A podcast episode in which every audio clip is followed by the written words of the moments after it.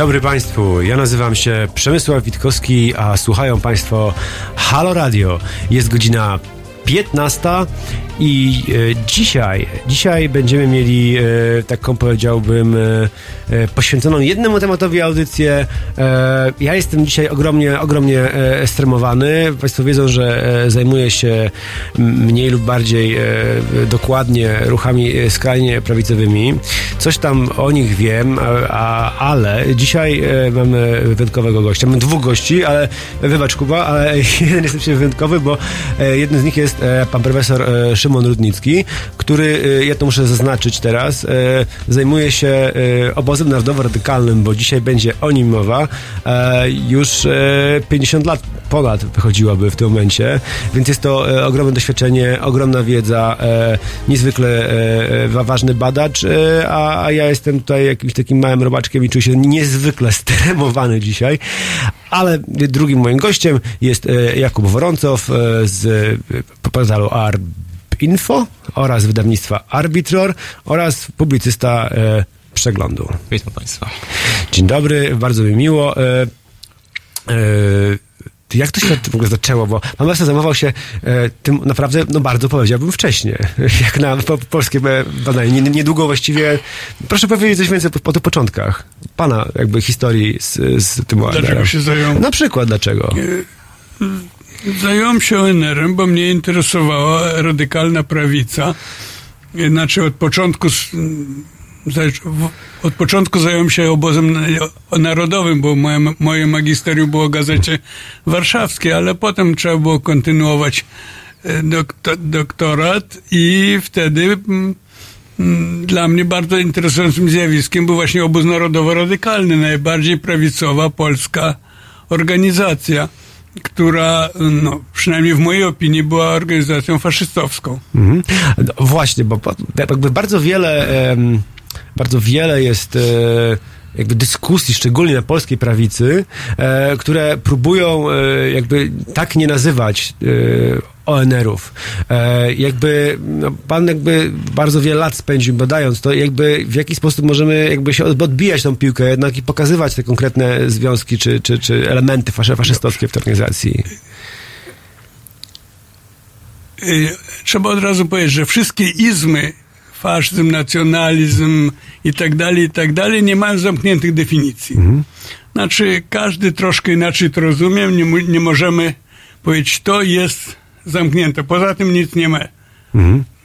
Y, Walter Lacker, taki historyk amerykański, powiedział, że rzeczywiście jest to pewien problem dla nas, ale czymś musimy się posługiwać w pracy. I y, istnieją dziesiątki definicji faszyzmu, które m- mniej lub bardziej tłumaczą, czym faszyzm jest. Y, y, inny taki historyk, który zajmował się teorią faszyzmu, Philip Borin, pisał, że połączenie partii, jest to połączenie partii o charakterze masowym, kierowanej przez charyzmatyczne, charyzmatycznego przywódcę, do czego dochodzi jeszcze militaryzacja zachowań zwolenników oraz rytuały masowe, uliczne zamieszki i systematyczne stosowanie przemocy. Ja dla swoich potrzeb e, badawczych e, e, s- wymyśliłem troszkę taką bardzo prim, może prymitywną, ale mm, jasną mm, określenie, czym, czym, czy partia może należeć do faszystowskiej. Znaczy, partia faszystowska musi mieć po pierwsze, jest to skrajny nacjonalizm, radykalny program społeczny i zmilitaryzowana organizacja. To znaczy organizacja hierarchiczna, na sposób wojskowy budowana. Y, Te trzy elementy wystarczą właściwie, żeby uznać partię za faszystowską. A jakiś taki e, rys e, chęci odrodzenia społecznego albo rewolucyjny, to ten w elemencie zawiera się w tym elemencie tak. jakby z, z, Tak. radykalnego programu.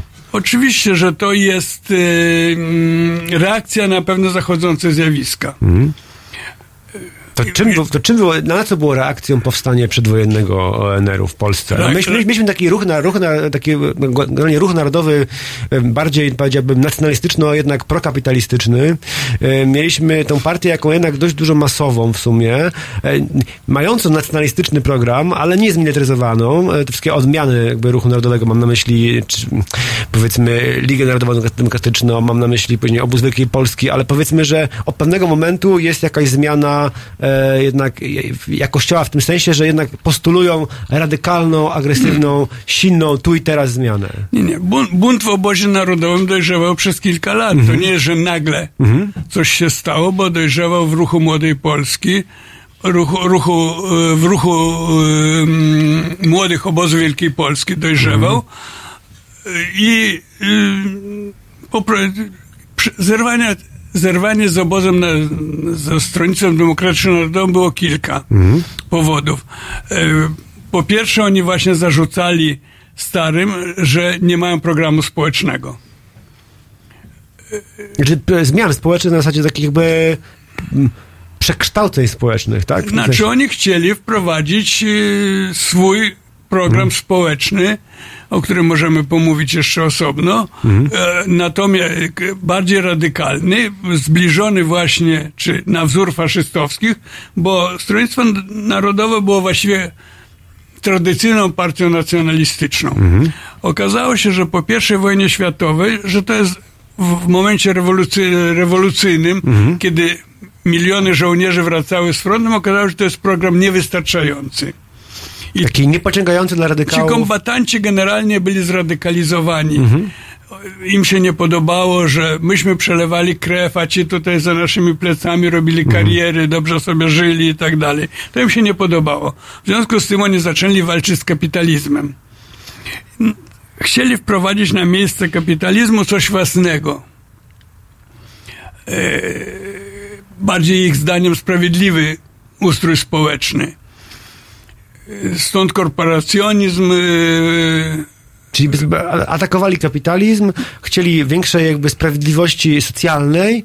E, i przeciwstawiali się temu, że tak, tak rozumiem, tak parafrazując, że jakby kap kapitaliści dorobili się na wojnie, oni tam walczyli i nic z tego nie mają. To nie tylko chodzi o kapitalistę, to był w dużej mierze także ruch antymieszczański. Mhm.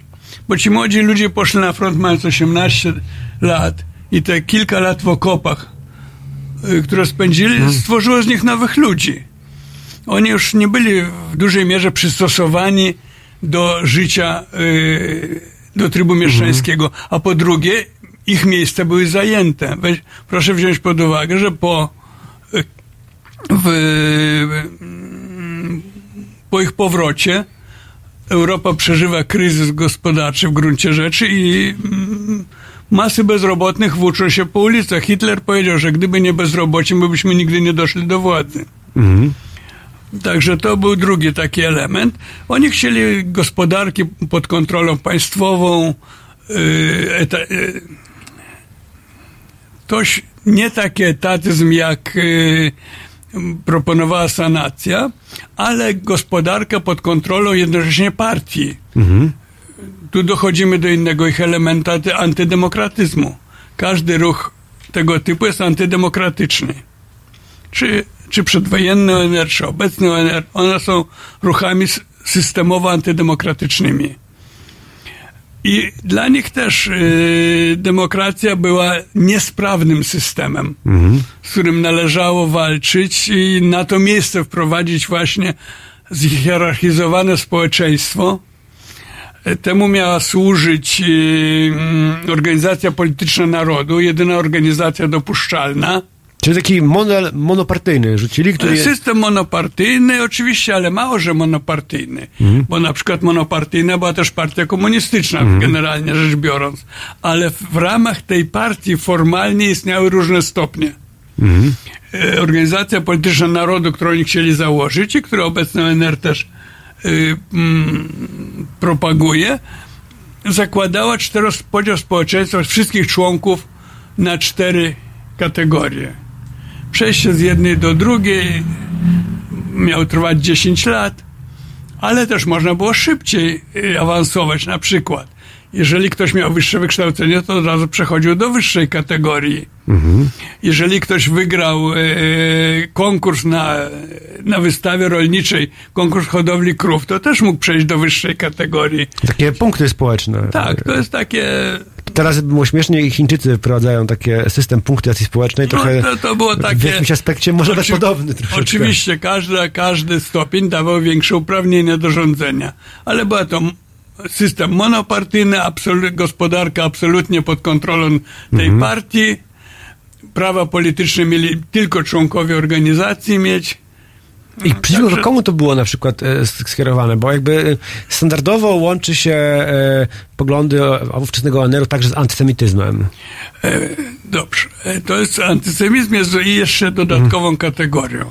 E, no bo jest kwestia, kto jest w Organizacji Narodu i z tego co ja rozumiałem, nie, nie, to oczywiście, niekoniecznie. Oczywiście było, było w ten sposób, że w końcu oni doszli do takiego poziomu, że jeżeli rozwiążemy w Polsce problem żydowski, a Żydzi w Polsce przed wojną stanowili 10% ludności, to skończą się wszystkie kłopoty. Że wszystkie kłopoty, które Polska ma w gruncie rzeczy, to są Żydzi. Żydzi, którzy stworzyli kapitalizm, Żydzi, którzy stworzyli komunizm, liberalizm, yy, masonów, no wszystko co złe to stworzyli Żydzi, a dla nich wszystko było złe, co nie oni. Mm. Więc to oczywiście był yy, yy, był jeden z ważnych elementów. Ja kiedyś napisałem taki artykuł antysemizm totalny. Od hmm. czego by nie zaczynali, to się kończyło na Żydach tak naprawdę. No tak to się trochę mówi o faszyzmie, że taki socjalizm dla e, idiotów, bo zazwyczaj kończy się na takim jakimś prostym e, dźwigni. Do dyskusji wrócimy po kawałku zespołu The Clash, e, London Calling. Do zaostrzenia.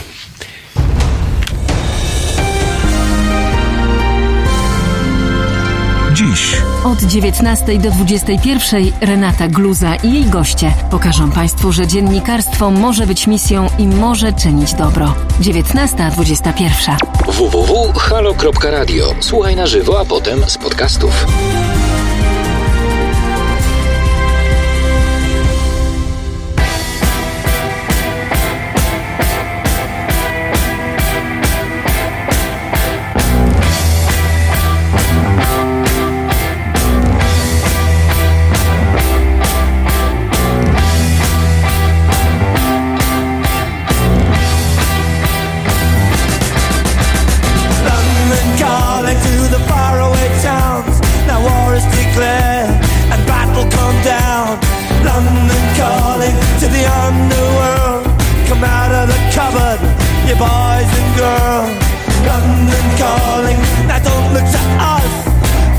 Beatlemania is bitten the dust. London calling, see we ain't got no swing except for the rain and the crunch of thing. The ice is coming, the sun's zooming in. Meltdown expected, the wheat is good in. Engines stop running, but I have no fear, cause London is drowning. I live by the river to the imitation zone brother, you can go it alone. London calling to the zombies of death. Quit holding out and draw another breath. London calling, and I don't wanna shout. But while we were talking, I saw you nodding out. London calling, see we ain't got no hide except for that one the yellowy eyes. The ice is coming, the sun's zooming in. Engines stop running. the wheat is going thick. A nuclear error, but I have no fear, cause London is drowning out.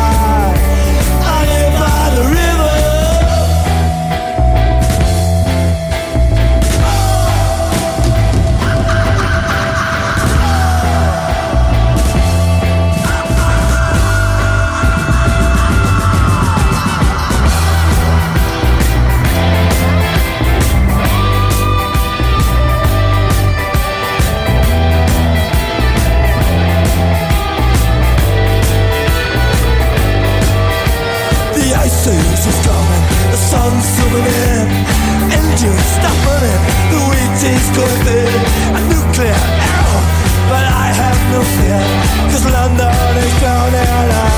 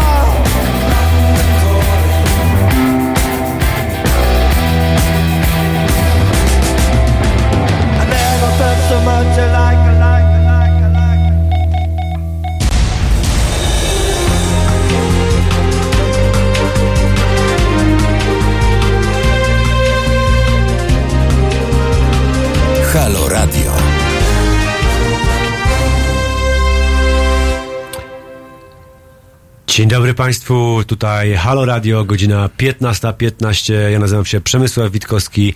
Dzisiaj rozmawiamy o obozie narodowo-radykalnym, zarówno przedwojennym, jak i powojennym, e, z moimi gośćmi Jakubem Woroncowem i profesorem Szymonem Rudnickim, któremu oddaję teraz głos, bo już było pytanie z mojej strony wcześniej e, o pewne wyznaczniki charakteryzujące e, partie, organizacje jako faszystowskie. Państwo zaczęły je wymieniać wcześniej, jeszcze tego nie skończyliśmy i wydaje mi się, że to jest ważne, że Państwo to dzisiaj przyswoili, e, bo mam wrażenie, że e, ta definicja, ten jakby, gdzie umieścić, kto jest właściwie faszystą, może tak, jest dosyć e, dla wielu osób trudna, posługują się tak dosyć chaotycznie tym terminem, rzucają na każdego właściwie skrajnego prawicowca, że jest faszystą, kiedy rzeczywiście mamy w polskiej historii, pan profesor mówi, organizacje, które wprost można uznać za faszystowskie i jedną z nich jest właśnie, no, zdecydowanie bardziej e, woląca nazwy narodowo-radykalna, ale faszystowska organizacja, jaka był przedwojenny ONR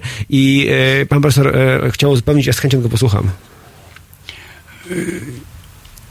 Jeżeli mówimy jeszcze o ONR-ze, mhm. to trzeba powiedzieć, że powstanie ONR-u było próbą czy zapowiedzią przejścia do działań metodami brutalnymi stosowaniem gwałtu nie jako elementu doraźnej walki politycznej, ale jako działania założonego programowo, płynącego z uznania tej metody odpowiedniego przygotowania członków. Na przykład jeden z członków kierownictwa ONR-u, no, który był postury, postury mikro, był na ogół posługiwał się piórem, opowiadał mi, że jak wstąpił do organizacji bojowej, bo wszyscy przywódcy ONR-u należeli... A który to był? Czy to... E, Włodzimierz Narbachowski. Okej. Okay. E, no on był mikro, e, raczej postaci mikro. To opowiadał mi, że jak on wstąpił do organizacji bojowej, bo oni wszyscy należeli hmm. przywódcy do organizacji bojowej o bardzo pretensjonalnej nazwie Życie i śmierć dla narodu, to kazano mu wybić szyby w sklepie żydowskim, bo każdy musiał czymś się wykazać. On to powiedział, każdy musiał być umoczony. No tak, jak naprawdę. to o organizacjach przestępczych. Zwyczaj postępowa robi no, się wspólnie ta, małe, drobne przestępstwo, notabene jedyny, wierność I notabene jedyny raz, kiedy Bolesław Piasecki był zatrzymany przez policję, to właśnie też po wybiciu szyby w sklepie żydowskim. Ale trzeba powiedzieć, że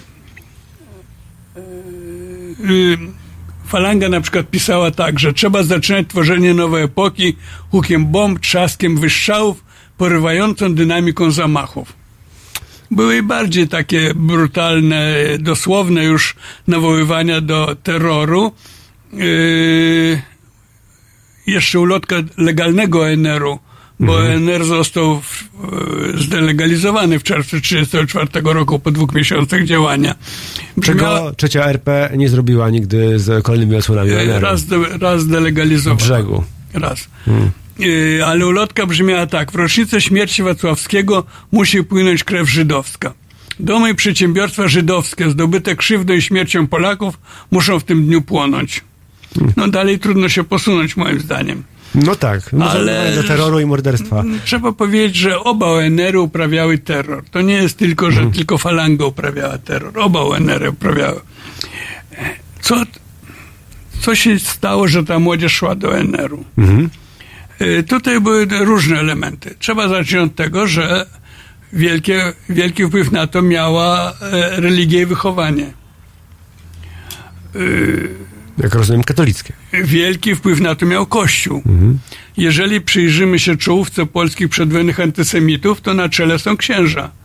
To jeszcze to okres, w którym e, dodam Państwa, że chyba do lat 30. księża mogą być e, parlamentarzystami i politykami. Do 23 roku. Do 23 do roku. 23 Dziękuję za to roku biskupi.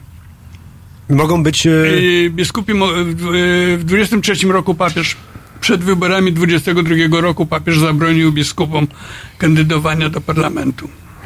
No, także do tego czasu mieliśmy posłów. Nie, nie, ale to nie o to chodzi. Cała publicystyka kościoła z wyjątkiem verbum, mhm. była w gruncie rzeczy antysemicka. I w czołówce polskich antysemitów jest nie tylko to ksiądz Trzeciak, ale cała plejada Kruszyński, Błotnicki, Granat. No możemy mnożyć nazwiska mhm. y, ludzi, którzy mm, Księży. szerzyli antysemityzm, przyczyniali się do tej nastroju takiego młodzieży. W tym chyba też e, Maksymilian Kolbe. Elementem następnym to był chyba resentyment. E, Niepodległość nie spełniła ich oczekiwań.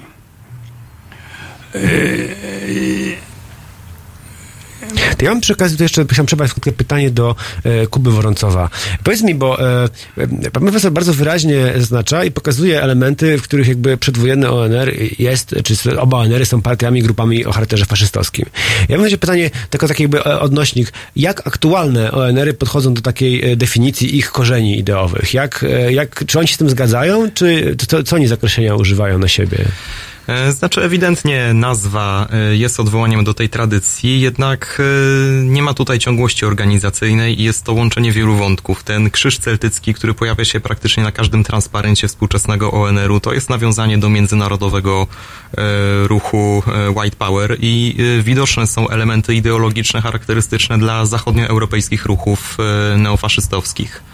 Także e, to jest e, pewne odniesienie do polskiej tradycji, ale jest e, wiele naleciałości Ale oni- zagranicznych. Oni chyba nie lubią się tak określać, nie będą że są faszystami, będą, że są narodowymi radykałami. Ty widzisz jakąś taką solidną różnicę między tym? E, Narodowymi radykałami, nacjonalistami, narodowcami e, bardzo nie, bardzo nie lubią etykietki faszysta, ponieważ jest ona kompromitująca, zwłaszcza, że to jest organizacja, która jest e, medialna. E, Poza tym, że to jest e, największa e, grupa skrajnie prawicowa w Polsce, e, to jest najbardziej medialna, jest ja najczęściej panów zapraszana do mediów. obu pytanie, I na ile byście panowie szacowali aktualnie taki ONR, te, te, bo oni podają jakieś horrendalne liczby swoich członków.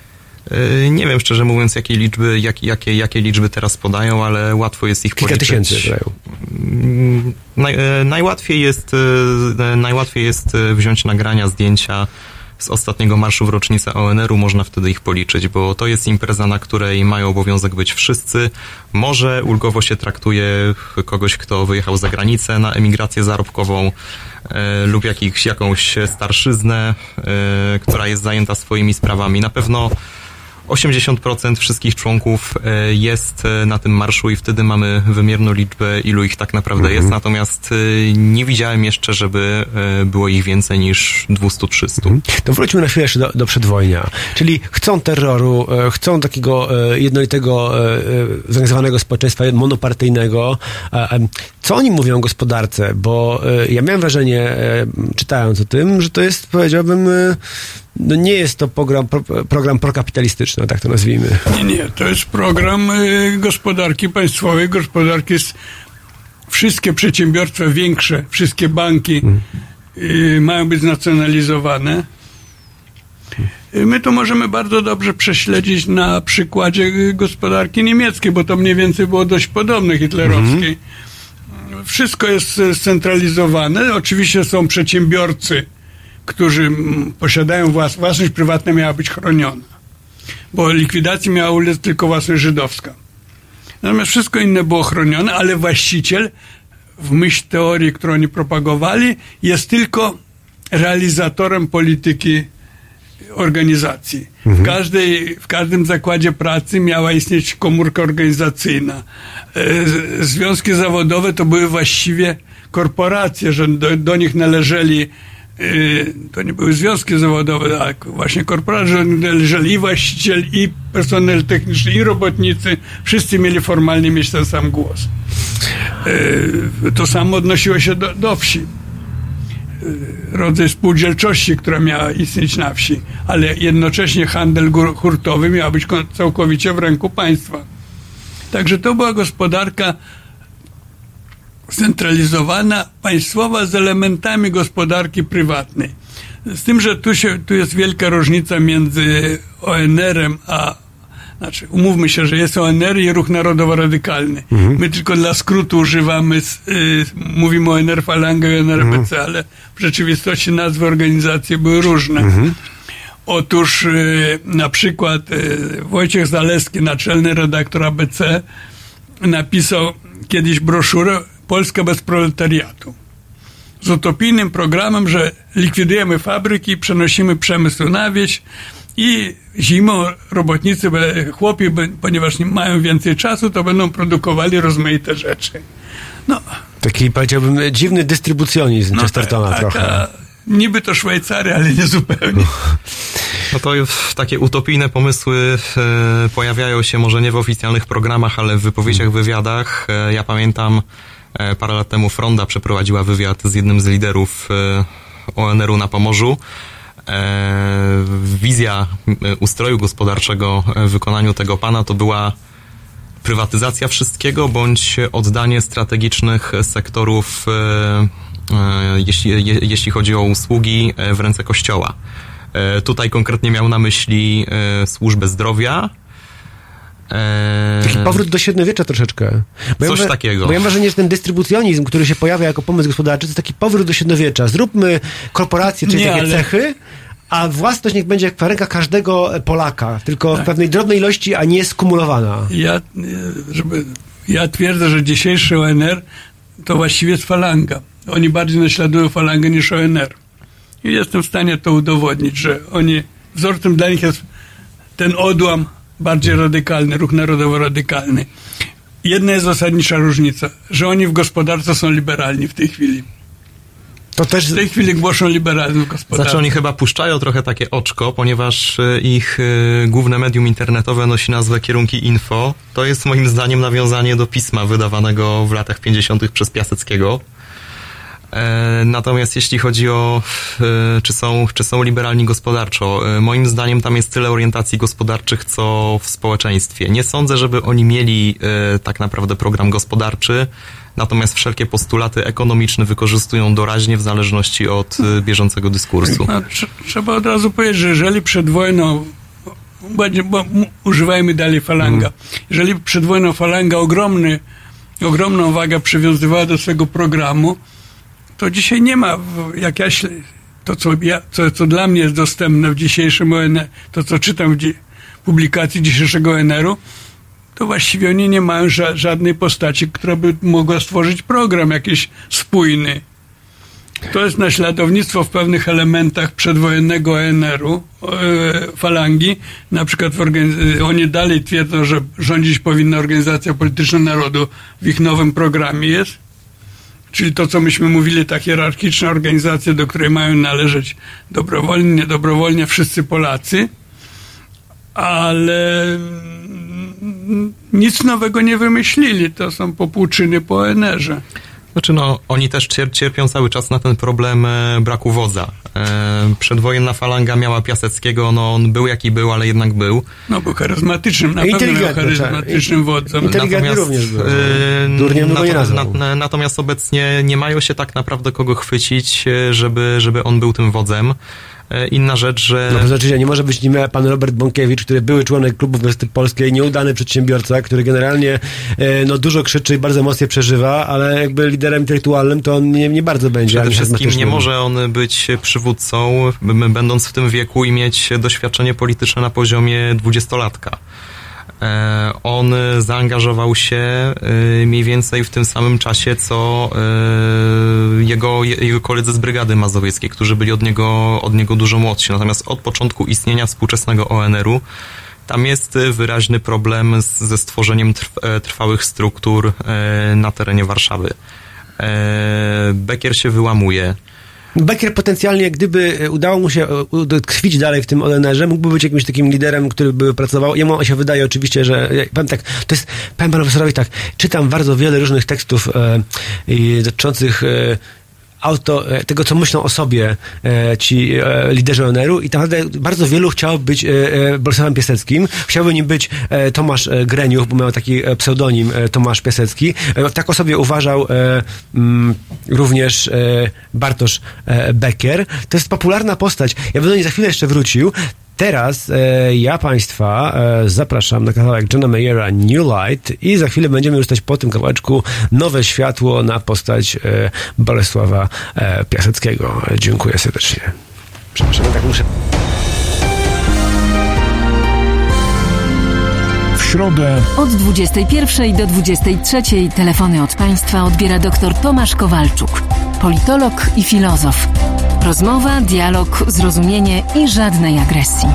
21-23. Zapraszamy.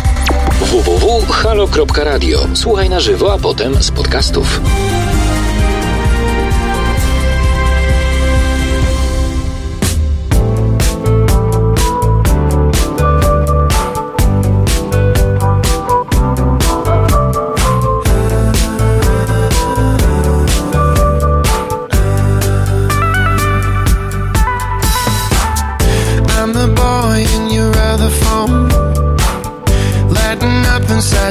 Draw it home all alone? Pushing 40 in the friend zone. We talk and then you walk away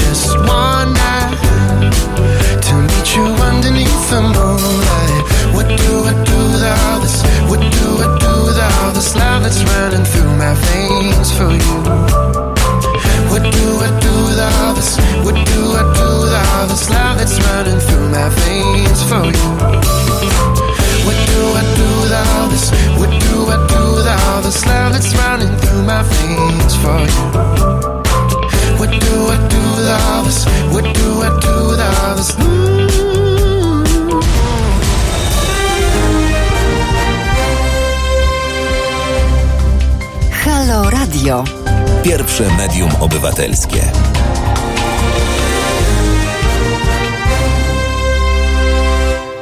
Dzień dobry Państwu, tutaj Halo Radio, jest godzina 15.34.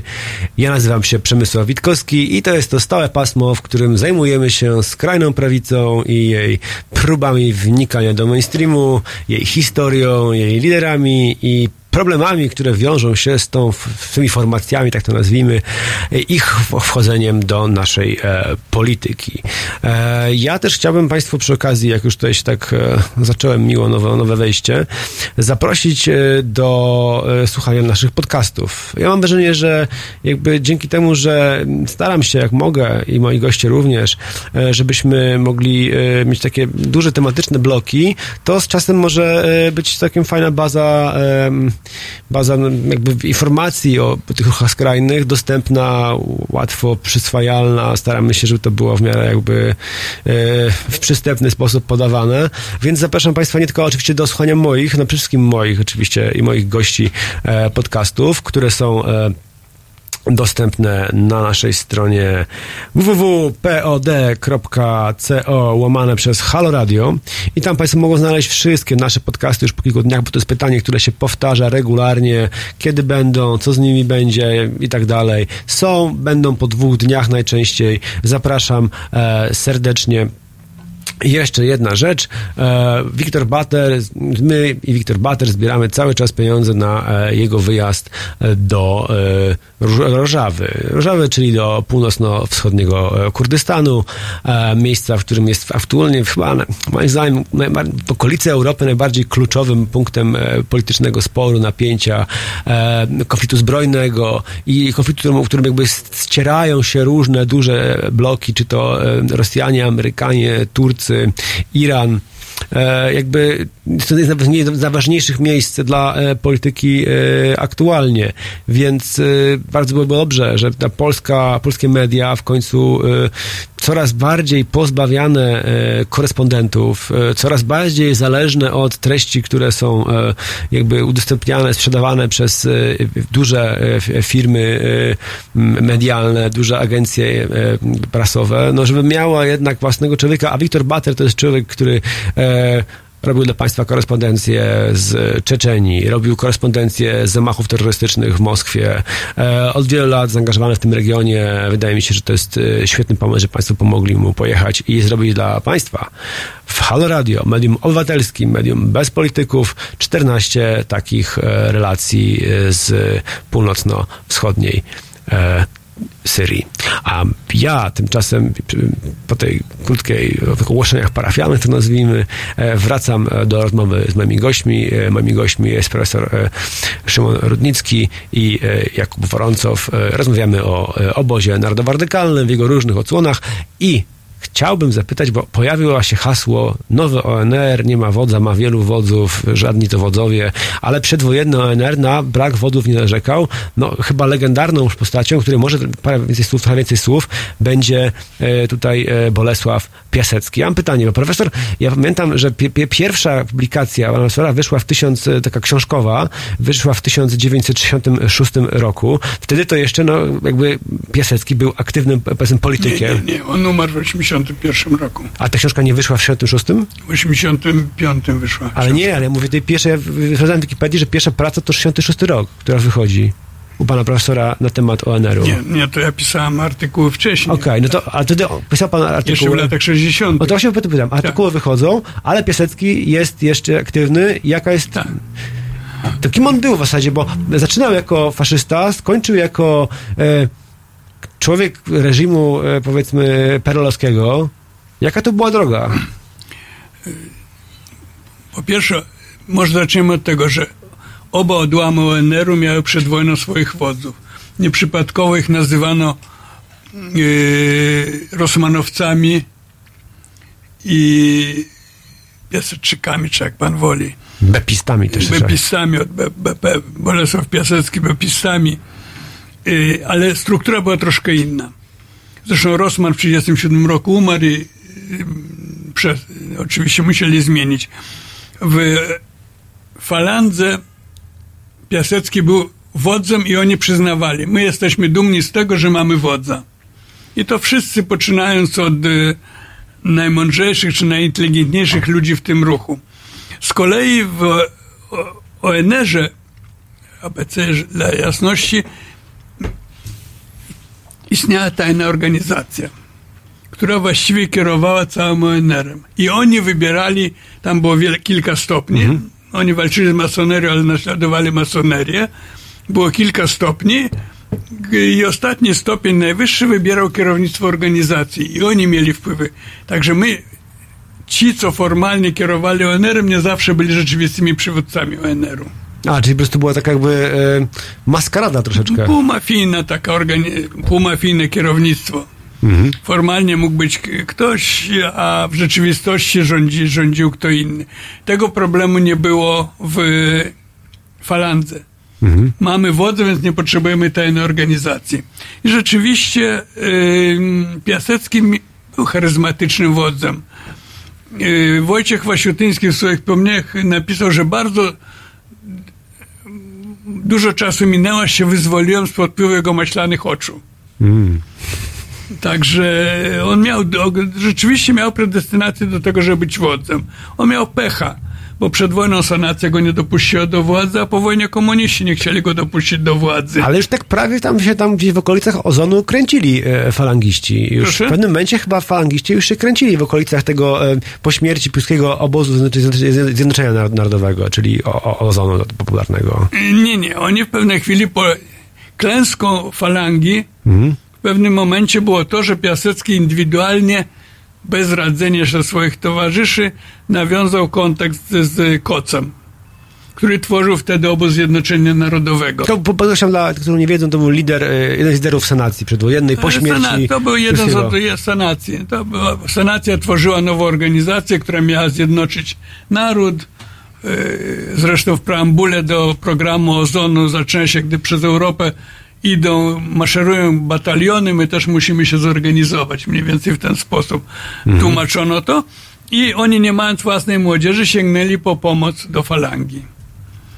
Yy, Falanga była organizacją antysanacyjną. W momencie, kiedy oni nawiązali współpracę z Senatu, oni tracili jeden ze swoich głównych argumentów istnienia. I w y, falandze się zaczął bunt, zaczął, y, falanga się rozsypała pod koniec.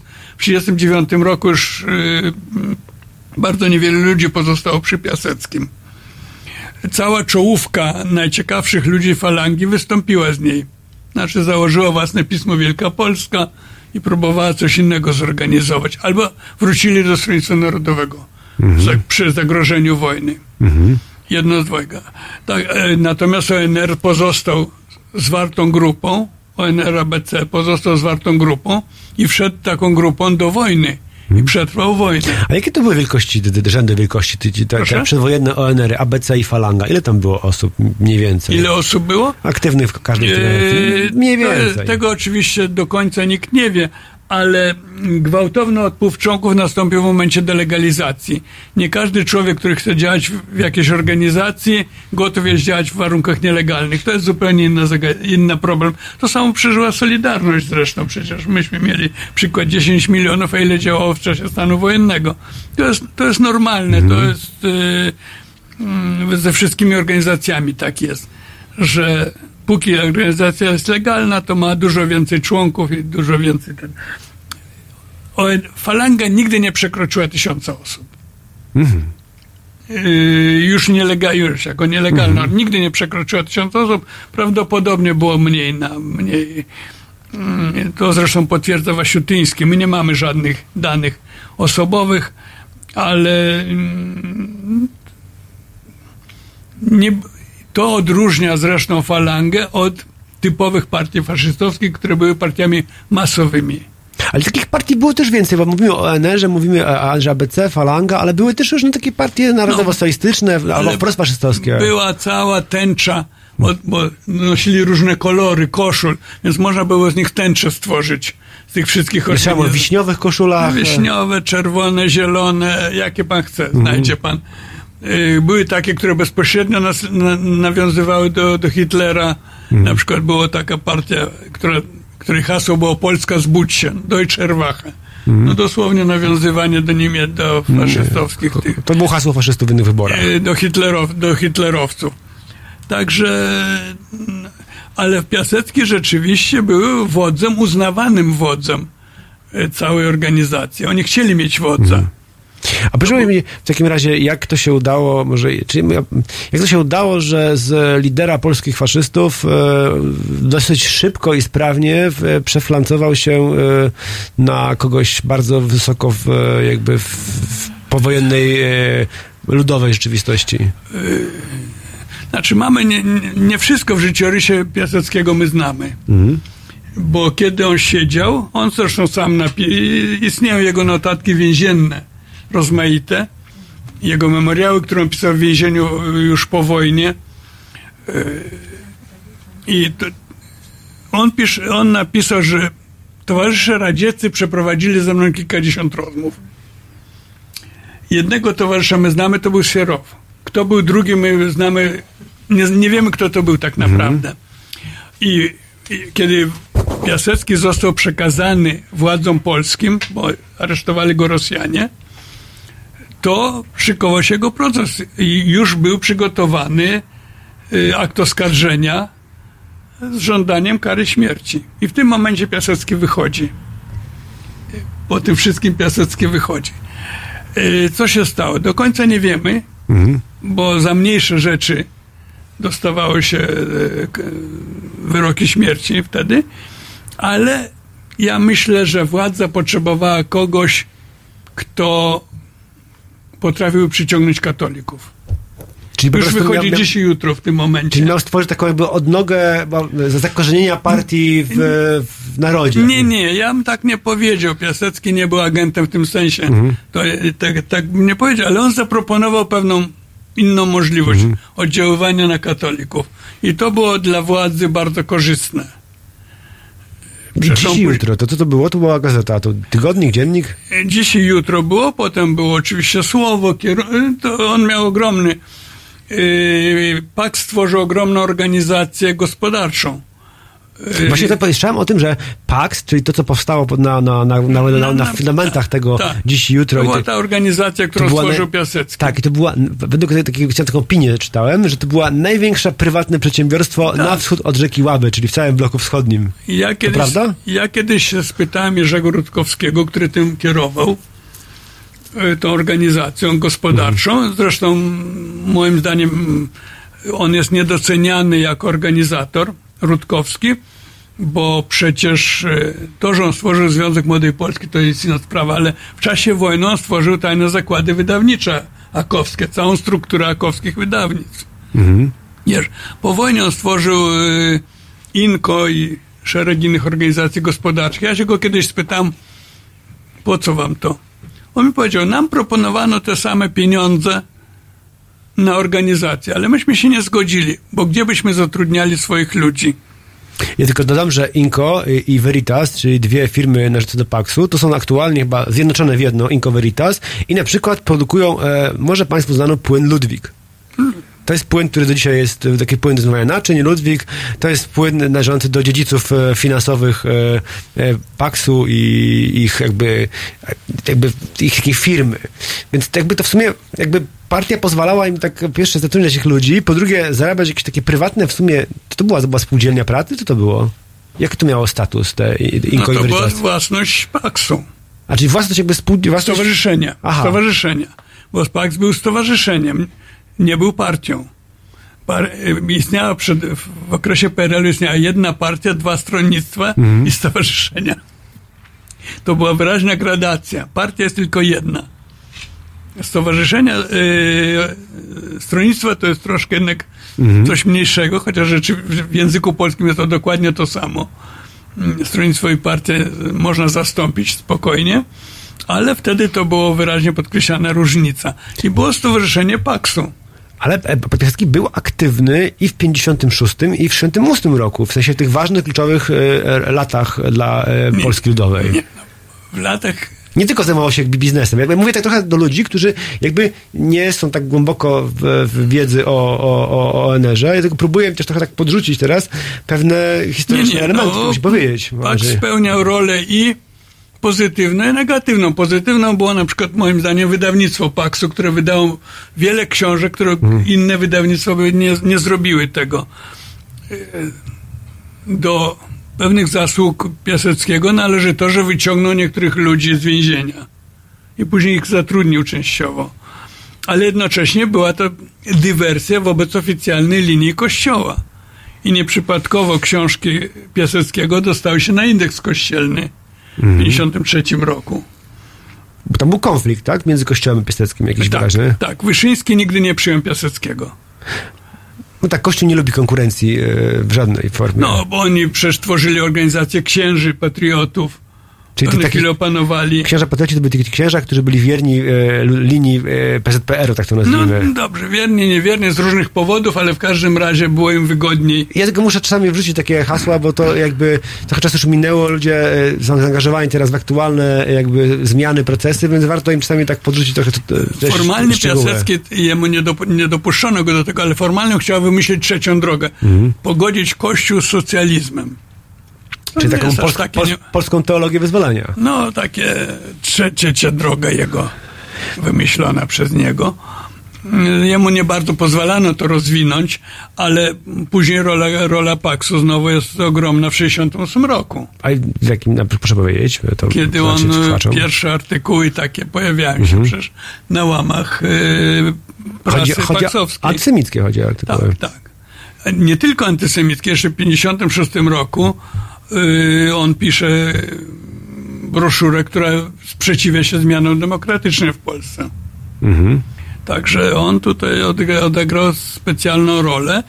Yy, Był bardzo było bardzo bliskie zakończenie, to znaczy był moment, kiedy już wszyscy sądzili, że on jest całkowicie przegrany. I wtedy nastąpiło jego spotkanie z Gomułką, Mhm. Mm, y, kiedy on przekonał Gomułkę, że jednak jest potrzebny. Ale ostatecznie, to on taka postać powiedzmy nie do końca zrealizowana. Znaczy jakby trwał w dwóch ustrojach, miał bardzo wyraźne stanowiska, był widoczny, ale koniec końców chyba historia mu nie pozwoliła No nie osiągnąć jakiegoś samodzielnego liderowania czymkolwiek. Nie, nie był zrealizowany, bo go ciągle ograniczano. Mhm. Przecież y, w PRL-u nie mogła istnieć, y, nie mógł się zrealizować do końca w PRL-u, bo to było niemożliwe zupełnie. Mhm. jasne. No nie mógł stworzyć konkurencji partii. Mhm. To nie było, on był ograniczony i był prosty przykład. Pismo nie wychodzi, bo nie dają papieru. Najprostszy przykład ograniczenia, które można wprowadzić. Mieliśmy takie przykłady rozmaitych wydawnictw, nie tylko paksowskich, kiedy e, ograniczano normalnie, legalnie, ponieważ papier był limitowany, to nie dawano papieru i koniec. Trzeba E, było skończyć z, z Paksem. Nie, nie, Piasecki był niezrealizowanym człowiekiem do końca. Mm, Pod koniec życia był trochę złamany sprawą swego syna, Bogdana, którego porwano i zabito. No To była straszna, straszna Zabito historia. i ciało znaleziono e, na przystanku. Takim, teraz widzę, tak, je- je- jeżdżę z Woli i przejeżdżam codziennie koło e, przystanku Kino Femina i tam jest taki z połem e, sklep i tam w tych z połem piwnicach znaleziono właśnie ciało Bogdana Piaseckiego. To była dla niego zrozumiała zupełnie, Zupełnie. tragedia. Absolutnie nie życzę nikomu takiej Także, tragedii. a, po, a po ostatnie lata życia już bardzo chorował. Więc e, do tego, co się stało z Paxem i czy to miało jakikolwiek wpływ na NRM, pogadamy po kawałku e, Stevie'ego Wondera e, Master Blaster, a Bolesław Piasecki no, nie został takim Master Blaster z powodów ograniczeń historycznych. Może i dobrze, może i dobrze. Zapraszam na piosenkę Stevie'ego Wondera.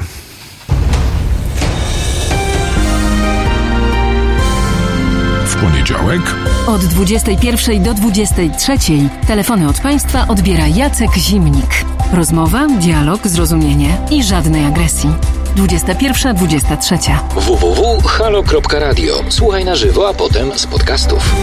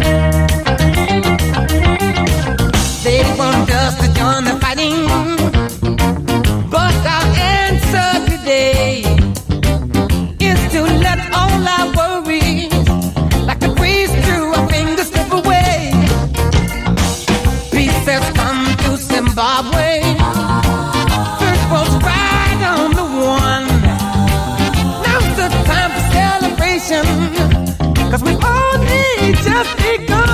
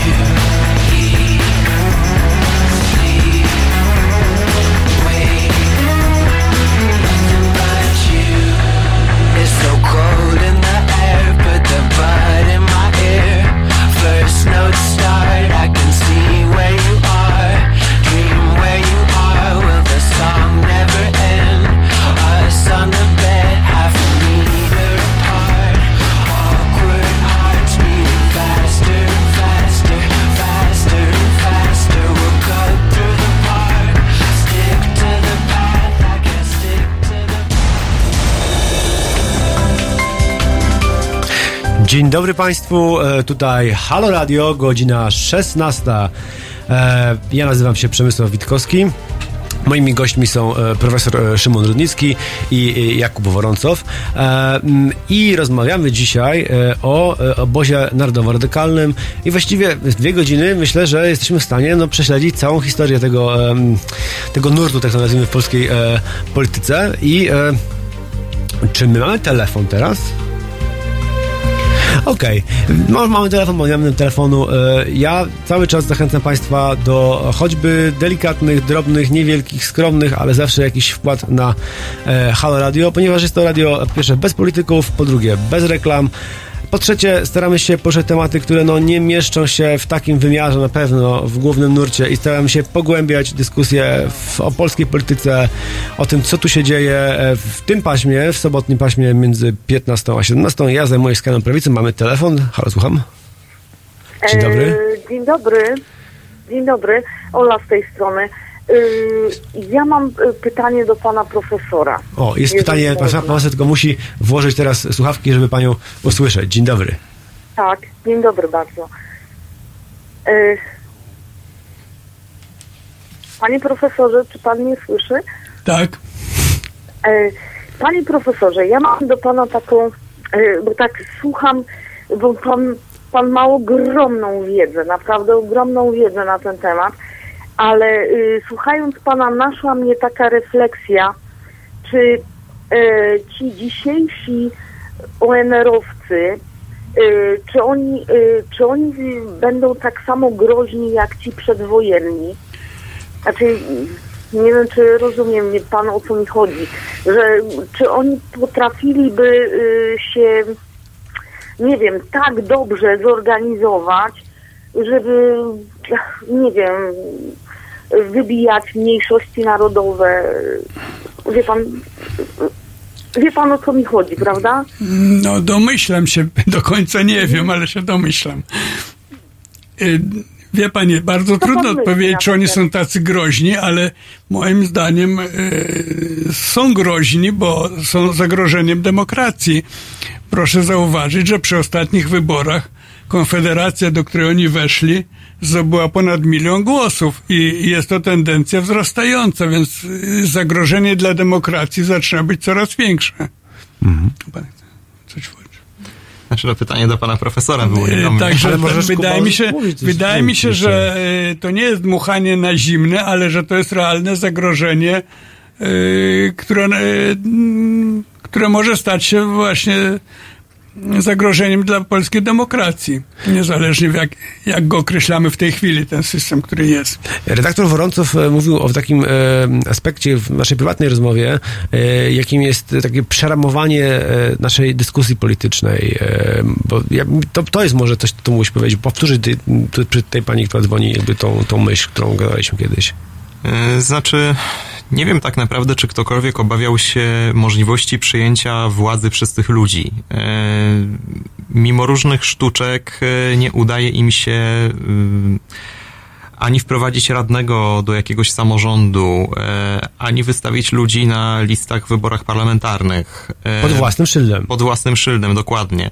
E, Nawet jak startują, to się ukrywają pod jakimiś bezpartyjnymi, e, bezpartyjnymi komitetami. Bardziej e, problemem jest przesuwanie dyskursu i wpływanie na mainstreamową prawicę niż bezpośre- bezpośrednie zagrożenie polityczne ze strony tych ludzi. Nie mówię o potencjalnym zagrożeniu kryminalnym.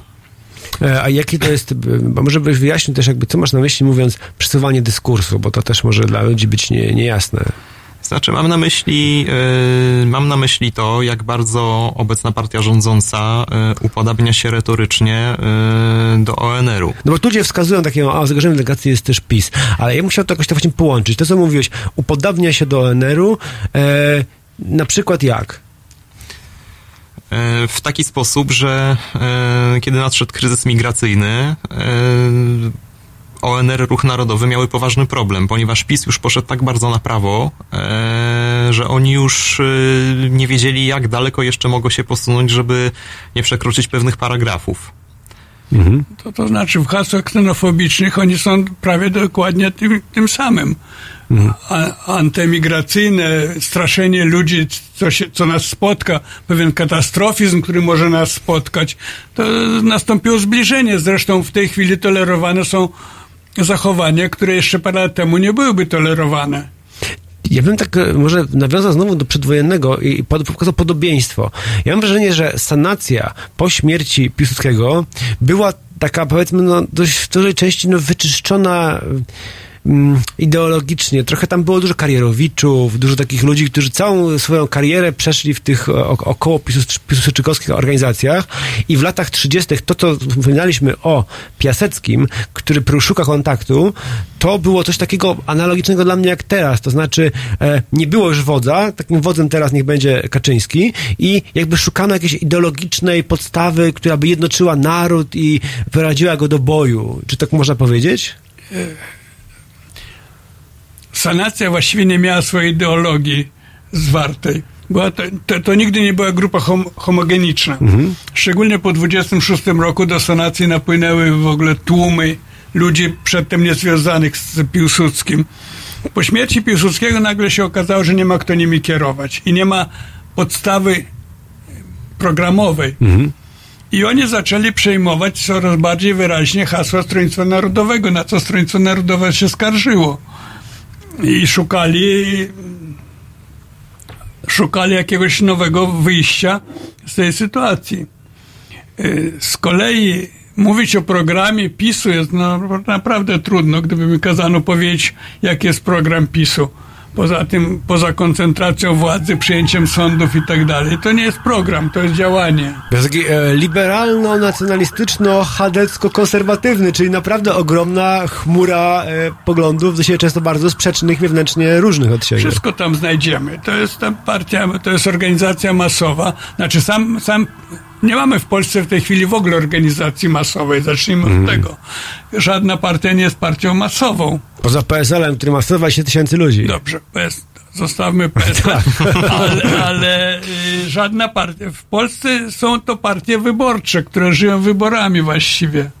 Tak jak we Francji istniało MRP, które liczyło 8 tysięcy członków i wygrywało wybory przez kilka kadencji, to był aparat wyborczy. I u nas w gruncie rzeczy w dużej mierze to jest też aparat wyborczy. I PiS, i Platforma. Ja bym tego nie... Czyli jakby, jakby z tego, co nawiązując jeszcze do e, rektora Woroncowa e, i mojej uwagi, można powiedzieć, ja bym to tak, ja bym to pociągnął w ten sposób, że jakby PiS ma tą taką e, dużą, amorficzną dosyć strukturę, e, mającą różne e, jakby wątki ideologiczne łączące w całość, też dużą, ogromną ilość karierowiczów. I ja się obawiam takiej sytuacji, że w pewnym momencie kontrola tego Kaczyńskiego nad tym jakby zniknie z racji wieku, albo chorób, albo śmierci.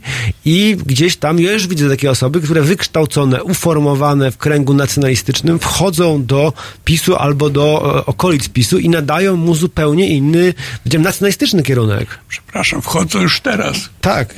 Ja mówimy o takich nazwiskach jak e, Andrusz- pan Andruszkiewicz, Chruszcz, E, szefem, szefem w. Opolu został teraz e, IPN-u ONR-owiec. Tak, Tom, pan Tomasz Greniuch. I może Greniuch. właśnie teraz przeskoczmy w okolice lat 80. i 90., żebyśmy mogli zrozumieć, skąd to się. Znaczy, my może rozumiemy, może mam nadzieję, i żeby wszyscy mogli zrozumieć, skąd to się trochę wzięło. Bo e, e, PAX staje się częścią jakby tego bloku około PZPR-u. E, Piaseckiemu nie udaje się jednak e, samodzielnie tak bardzo zająć rolę, jakby sobie życzył. E, Mamy lata 80. i mamy system władzy ludowej, który coraz bardziej upada, coraz bardziej się rozkłada e, i mamy też grupę, która się pojawia e, nowa w Polsce. Ja mam na myśli skinheadów. Zachodnich skinheadów przeplancowanych trochę jakby jako moda do Polski. Możesz Kuba coś powiedzieć o, tak, o, o, o, tej, o, tej, form, o tej grupie? Jest to subkultura, e, jeden z wielu trendów, który e, przyszedł do Polski z zachodu. E, Już, już uformowany. To na zachodzie była, to co na zachodzie było drugą falą, w Polsce było pierwszą falą.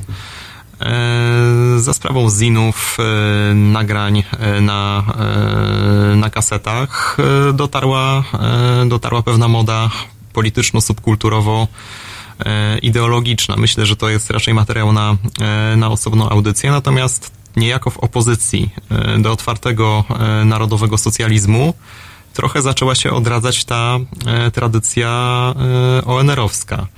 E, Był pewien podział e, na e, chłopaków, którzy usiłowali w polskiej tradycji znaleźć jakiś punkt odniesienia. Czasem był to ONR, czasem była to e, zadruga. E, A z drugiej strony byli to, e, jak to ktoś ładnie, e, ktoś ładnie powiedział, ludzie identyfikujący się de facto z, z nacjonalizmem niemieckim. No tak, no tak, ale to jakby jest, to znaczy to była ogromnie popularna grupa w latach 90. Ja ją pamiętam bardzo dokładnie. Teraz mam wrażenie, że jest troszkę e, osłabiona po latach i zanika, czy zanikła, chociaż byłem, powiem Państwu, byłem e, trzy dni temu w Głogowie i w wieczornym Głogowie widziałem e, jakby k- osobę, która ma po prostu jak na moje oczy była teleportowana żywcem z lat 90. Był to mężczyzna powiedzmy lat 22-3 e, w czarnych butach wysokich typu Martens z białymi sznurówkami, z zielonych spodniach bojówkach, białymi szelkami opuszczonymi takimi założonymi, flejerem, ale nie takim bomberem, takim takim modnym teraz, tylko takim e, pękatym e, flejerem z pomarańczową podszewką. E, Na głowie oczywiście ogolonej czapka baseballówka z wielkim krzyżem celtyckim. Ja się poczułem, jakbym po prostu wylądował, jakbym jakby on wylądował z jakiegoś wehikułu czasu. Ja, ale ja pamiętam dokładnie, lata 90., że tych ludzi była niezwykle duża ilość. Jakby mm, z różnych środowisk, ale głównie robotniczego, zirytowani, e, agresywni, e, zradykalizowani e, i, i jakby tam bym widział jakby początki e, jednak, tak jak może wspominałeś teraz, tego ONR-u w nowej odsłonie. E, To było też środowisko, które e, jak już zaczynało się interesować polityką, to nie do końca godziło się z, ze stwierdzeniem, że jedynymi prawdziwymi narodowcami to są dziadki ze Stronnictwa Narodowego. E, No i Czyli środowiska e, panów e, Giertycha seniora, czyli Macierzy, Macieja, czy tego typu ludzie, którzy przetrwali Polskę Ludową. Pan widzę, pan profesor się trochę skrzywił. Nie, nie. E, Maciej, Ma, Maciej Giertych nigdy nie odgrywał jakiejś roli. Większą rolę odgrywał jego dziadek, znaczy Jędrzej. Jędrzej Giertych, oczywiście wielki, nawet po wojnie. I nawet był czas, kiedy w Polsce, jeszcze w PRL-u, były dostępne legalnie jego różne listy, które on posyłał do ludzi. Ale ja chcę spytać się inną rzecz. Moim zdaniem pojawiła się nowa grupa, yy, przesiąknięta podobnym duchem, to znaczy kibicosportowi. Czego przed wojną w ogóle nie istniało pojęcie kibica sportowego w sensie takim grupy zewnętrznej. Znaczy tutaj Przemek zaczął, e, zaczął wątek od e, przygody w Głogowie, gdzie poczuł się jakby się przeniósł do lat e, 90. E, natomiast no ja jadąc tutaj zobaczyłem prawdziwego hipisa, więc e, myślałem, że się przeniosłem w czasie do lat 60. E, różne subkultury e, istniały, miały swoje, swoje złote lata, no i nic nigdy nie ginie nie ginie zupełnie, e, natomiast e, w pewien sposób się e, zmienia, tak? E, Ci ludzie, którzy w latach 90. byliby skinheadami, e, dziś mogą być kibicami lub e, na, natomiast za jakieś 15-20 lat pewnie się pojawi e, nowa kontrkultura. Natomiast w momencie, gdy są to środowiska e, w jakiś sposób e, nastawione e, na przemoc, to będą naturalnym łowiskiem e, dla kręgów czy to politycznych, e, czy przestępczych. W związku z tym, podobnie jak w Europie Zachodniej, zarówno skinheadów, jak i kibiców próbują wykorzystywać e, neofaszyst, ne, neofaszystowskie partie polityczne. Ja chciałem zaznaczyć, że skinheadzi u początków swoich w ogóle nie byli grupą rasistowską. To była grupa, która jakby była grupą młodzieży robotniczej, która lubiła pójść na mecz, e, wypić piwo, może się pobić z kimś, owszem, ale to wszystko nie miało jakby politycznego zwrotu. I dopiero e, brytyjski front narodowy zaczął e, nasączać tą grupę poglądami i dzielić ją na jakby ras, rasowych, podrasowymi e, kątami. E, do lat 90. wrócimy za momencik. Teraz Bombay Bicycle Club i Eat, Sleep and Wake i... Jak? Naprawdę wręczyłem czytam. Aha, przepraszam Państwa serdecznie, gdyż dysponuję tutaj nieaktualną listą e, kawałków, to moja wina, biorę na siebie odpowiedzialność, jest Pharrell Williams. Pharrell Williams, dziękuję, e, do usłyszenia po tym kawałku, przepraszam bardzo.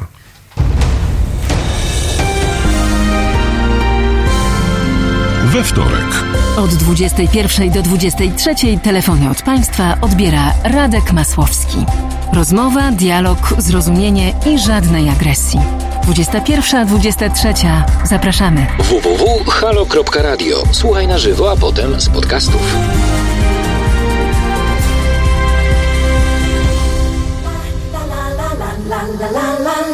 la la la la la la la Hold on to me. Don't let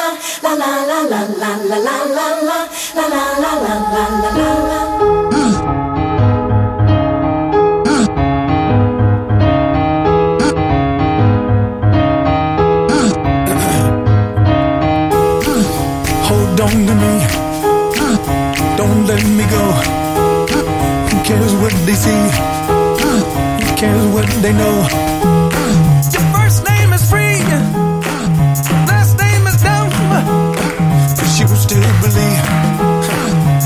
Where we're from. Man's right flower.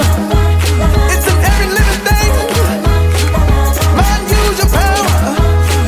Spirit, use your wings.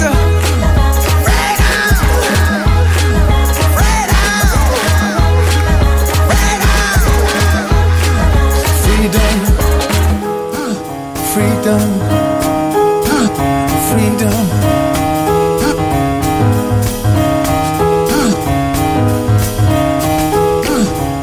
To me, oh, don't let me go. Uh, Cheetahs need to eat, uh, run antelope. Uh, your first name is King, last name is Dumb. Cause you still believe in everyone.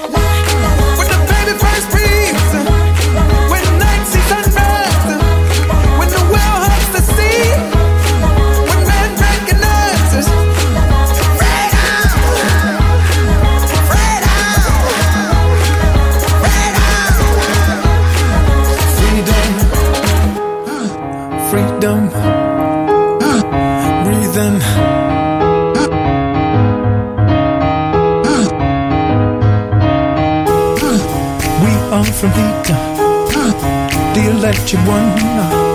Does the shock you see? He left us the sun.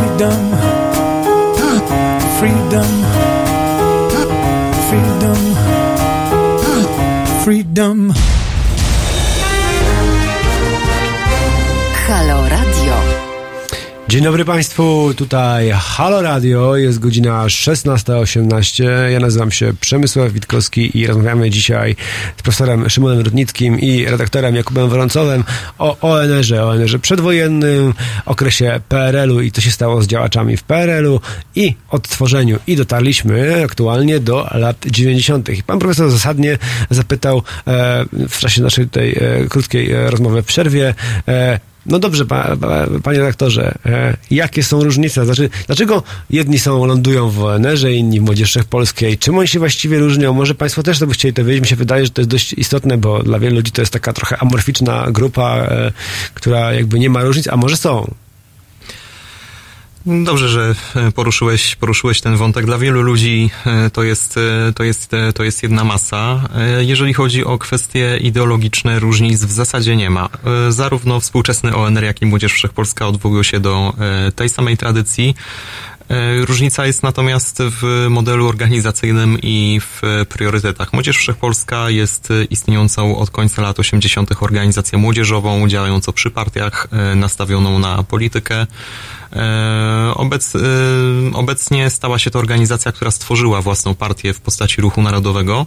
To trochę jak młodzi styliści, którzy stworzyli razem.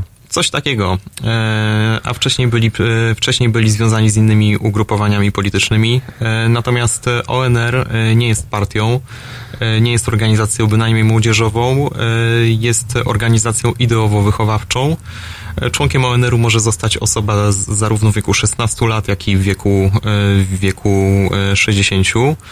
E, I e, takie było nastawienie ONR-u, kiedy wspólnie z Młodzieżą Wszechpolską tworzony był e, ruch narodowy. Nie rozwiązujemy organizacji. Część naszych ludzi wstępuje do ruchu narodowego, będzie kandydować w wyborach, natomiast w razie gdyby z tego eksperymentu nic nie wyszło, to ONR istnieje dalej.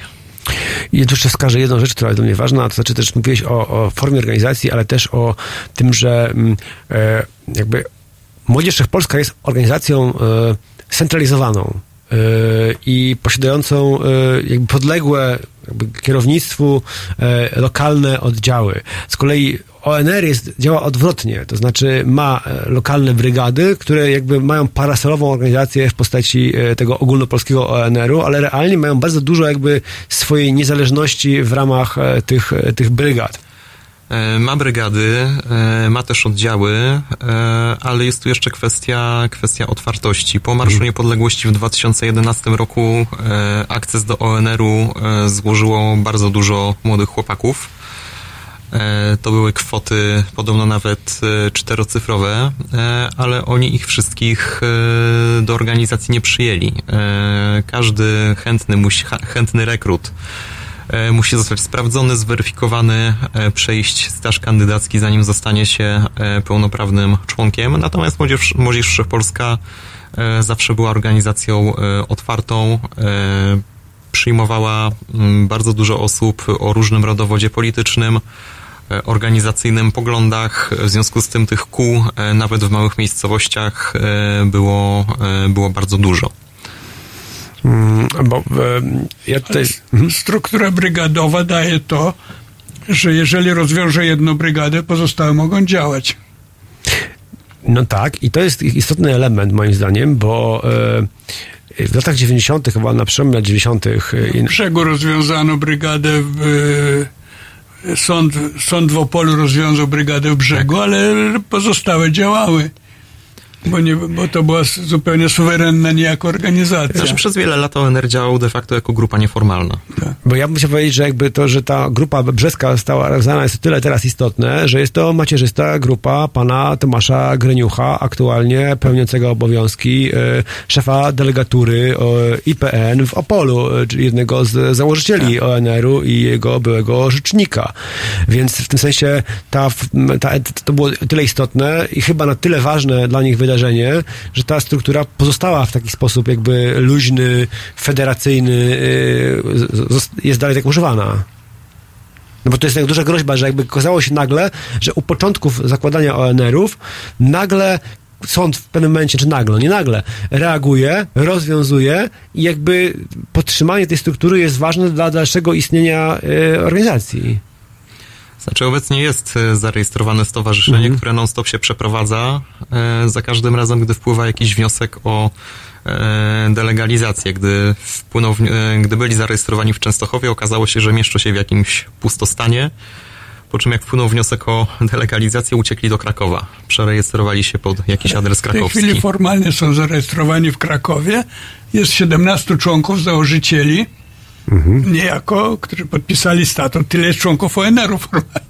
Tak, dokładnie tak. Takie informacje też uzyskałem od e, moich e, znajomych e, z, roboczo, z kręgu e, polskiej, e, polskich służb, tak to nazwijmy. I również oni dysponują takim, to, to jest aktualna informacja, absolutnie. 17 członków ONR-u, tylu ich formalnie e, jest.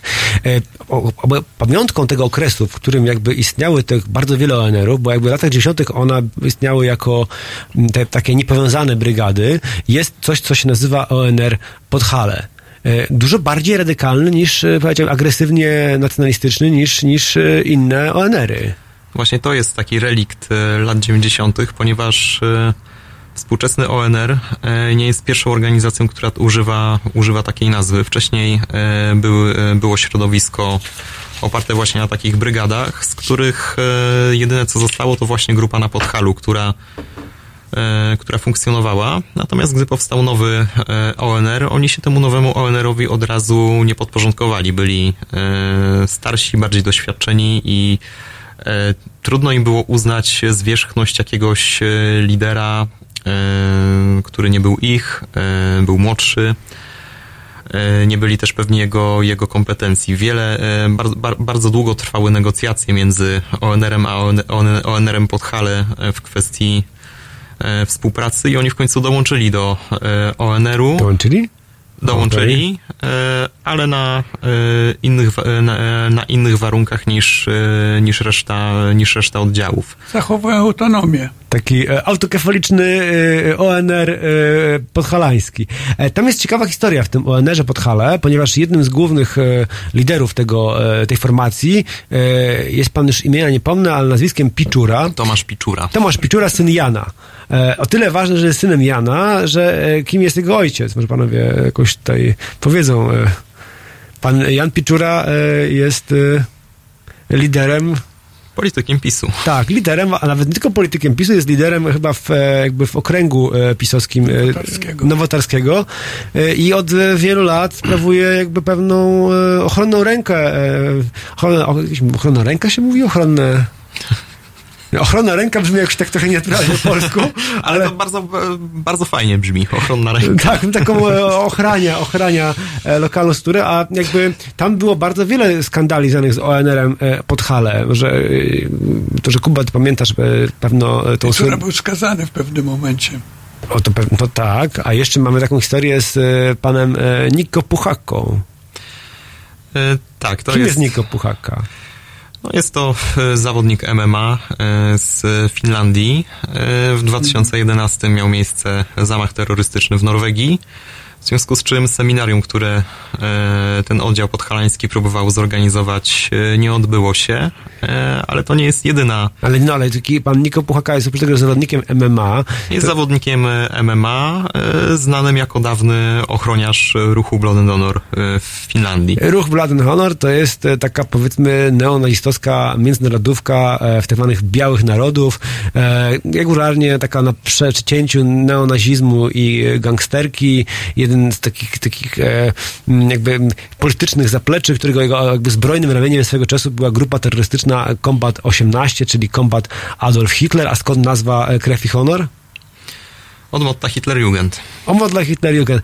Pan Niko Puchaka również e, jakby, kiedy, teraz już zatatuował te swoje tatuaże w jakieś takie maziaje już kolorowe bardziej, e, ale swego czasu na klatce piersiowej e, posiadał e, krew i honor właśnie napis z jednej strony, a z drugiej strony to była ży, e, runa życia, runa Algiz, czy czy to była runa? To chyba była... Takie Y z takim... Z takim Tak, tak, dokładnie. to była runa, runa życia. E, Generalnie e, zaangażowany e, neonazista, e, wielokrotnie jakby blokowano jego występy na MMA z racji tych tatuaży, dopóki nie zatatuował, ale co tam jeszcze było? No ale były to takie, właśnie, Znaczy, no, był, była, był, była afera w związku z kolejką na Kasprowy Wierch, gdzie pan jeździł w koszulkach ONR-owskich. Turystów, którzy mu się z jakiegoś powodu nie podobali, nie wpuszczał na Meleksa. E, No jest to grupa, która... Chochołowska, Dolina Chochołowska. Tak, e, jest to grupa, która robi trochę problem e, Zakopanemu, ponieważ jest to region turystyczny. A w momencie, gdy odbywają się tam zloty nie tylko polskich neofaszystów, ale też zagranicznych, bo tam przyjeżdżał Niko, przyjeżdżali Włosi, przyjeżdżali Hiszpanie, odbywały się koncerty, to działa to odstraszająco na turystów, na których lokalna społeczność zarabia, zwłaszcza na turystach zagranicznych. No tak, on tam w tych koszulkach e, paradował, jeździł, e, więc jakby panowie są od... Ja na przykład dokonuję teraz takiej, powiedzmy, krytycznej kwerendy, tak to nazwijmy, e, pisma Nigdy Więcej. To jest pismo wydawane, wydawane przez wiele lat, od początku lat 90., zajmujące się ruchami faszystowskimi, nazistowskimi, autorytarnymi, jakby listujące różne wydarzenia. No i panów, e, z, właściwie nie do końca z Zakopanego, tylko z Witowa pod Zakopanem, nawet byłem w Witowie, e, e, jakby listuje ta tam brunatna księga już e, od połowy lat e, 90. Są panowie już ponad dwudziestokilkuletnim stażem w tego typu no, radykalnie nacjonalistycznej działalności. Są barwni podczas e, zjazdu założycielskiego e, ruchu narodowego. E, poza faktem, że panowie trochę sobie przed kongresem popili, to byli jedynymi, którzy założyli te mundury historyczne. Jako grupa rekonstrukcyjna przedwojennego ONR-u weszli na ten kongres, czym wprawili w konsternację nawet Kolegów. Nawet kolegów organizacyjnych.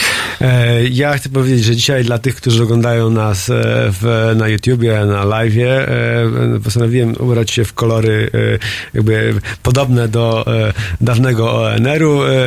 Nie dlatego, że w jakikolwiek sposób ich popieram, raczej chciałem dać taki element, no mam taki tu pieskową koszulę, mam brązy, jakieś takie, starałem się o ogoloną głowę, no takie, połączyłem te ONR przedwojenny z ONR lat 90. Brak opaski. Brak opaski, brak opaski. Nie, ale do paski to się tak pojawiam szczerze po hitlerowcach już trochę e, problematyczne, problematyczne. E, teraz e, kawałek Chrisa Malinczaka So Good To Me. Nie do końca rozumiem jakby tą angielszczyznę, ale zapraszam Państwa do wysłuchania tego kawałka i my wrócimy do naszej rozmowy po tym, że kłaniam się.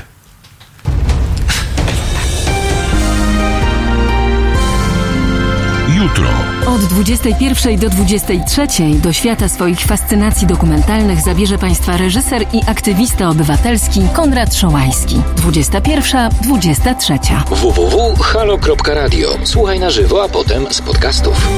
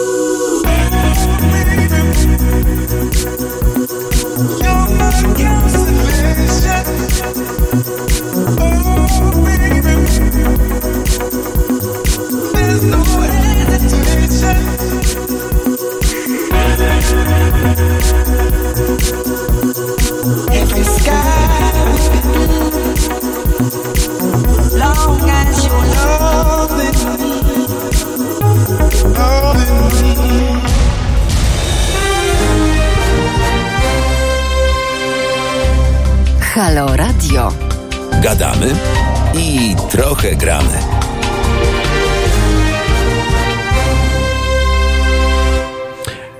Dzień dobry Państwu, tutaj Halo Radio, Przemysław Witkowski i moi goście, profesor Szymon Rudnicki i redaktor Jakub Woroncow oraz pojawiająca się na nowo w tle drabina, która Państwu wyjaśniam. Mamy tutaj delikatne bramy techniczne, stąd pewnie mam jakieś możliwe To braki. jest drabina świętego, e, która się przyśniła świętemu Jakubowi. Dokładnie tak, to jest drabina, po której nasze nieszczęście ONR wspina się do, e, do po władzę. Na szczęście na razie jest pusta, więc na to, e, na to liczymy, że się tam nie wespnie ale mamy lata 90., mamy e, ten taki okres jednoczenia się ONR-ów koło lat zerowych. Mamy też okres, w którym e, ONR trochę jakby jest czyszczony e, z bojówkarzy w kierunku przeflancowania się do głównego nurtu. E, Znaczy, nie wiem, czy słowo czyszczenie jest, y, jest prawidłowe. Ja Bardziej nas- nazwałbym to deskinhedyzacją, Ja się nas, ale to, nasunęło mi się z racji takich skrajnie prawicowych e, skojarzeń. e, to nie jest tak, że... e, To nie jest no długich noży. To nie jest tak, że panowie stwierdzili, że eksterminują swoich kolegów. E, bardziej wyglądało to tak, że... No Wojtek, zapuść te włosy w końcu, no. e, Tak?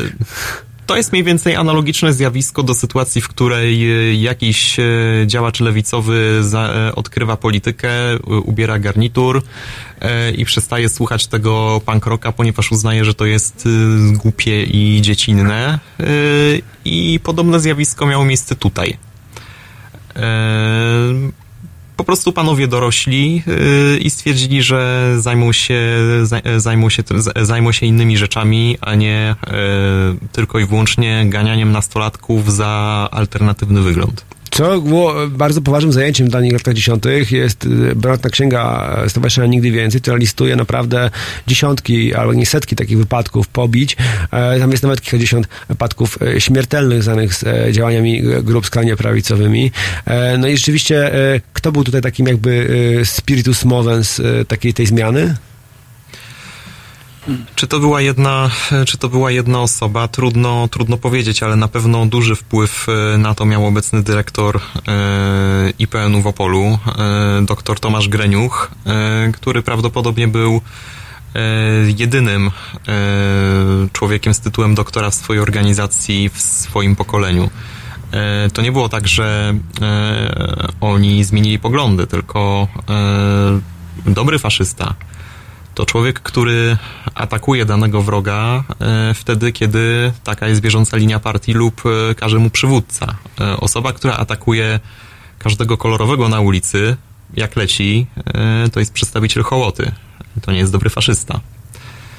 No tak, czyli chcieli budować nowe elity, no musieli pozbyć się bojówkarzy, e, ale ja mam wrażenie, że jeżeli mówimy o ostatnich e, latach, to Państwo już pewnie jakby bardziej śledzili ten, znaczy słuchacze, widzowie, ten okres, w którym mamy już ONR bardziej w mainstreamie, mamy już tam ruch narodowy, ale mam wrażenie, że Państwo jeszcze do końca nie, nie, nie zapali, patrzę tak, czytam takie, no, to nawet dziennikarze, opinie, że jakby samych liderów ONR w pewnym momencie zaskoczyła jednak e, faszyzacja ich, e, ich szeregów. To znaczy mamy e, jakby od kilku lat, e, trochę już słabnącą, ale jednak ciągle dość widoczną, na przykład na Marszu Niepodległości w postaci czarnego bloku, grupę, która, która możemy określić nazwą szturmowcy. To może, może dojaśnij Państwu, kto to jest. Znaczy, no, to nie są ich szeregi, oni się bardzo z nimi nie lubią, Teraz. wzajemnie się już, e, już bardzo długo. E, Zaczynało się od takiego wzajemnego wyśmiewania się, E, Natomiast no, rozczulające było, może nie będę używał wulgarnych słów, ale stwierdzenie śmierć tym i tym, e, gdzie do jednego worka zostali wrzuceni antyfaszyści, komuniści i ONR-owcy. E, A mem, który wypuścił jeden ze szturmowców, został zilustrowany e, egzekucją dokonaną przez Einsatzgruppen na froncie wschodnim.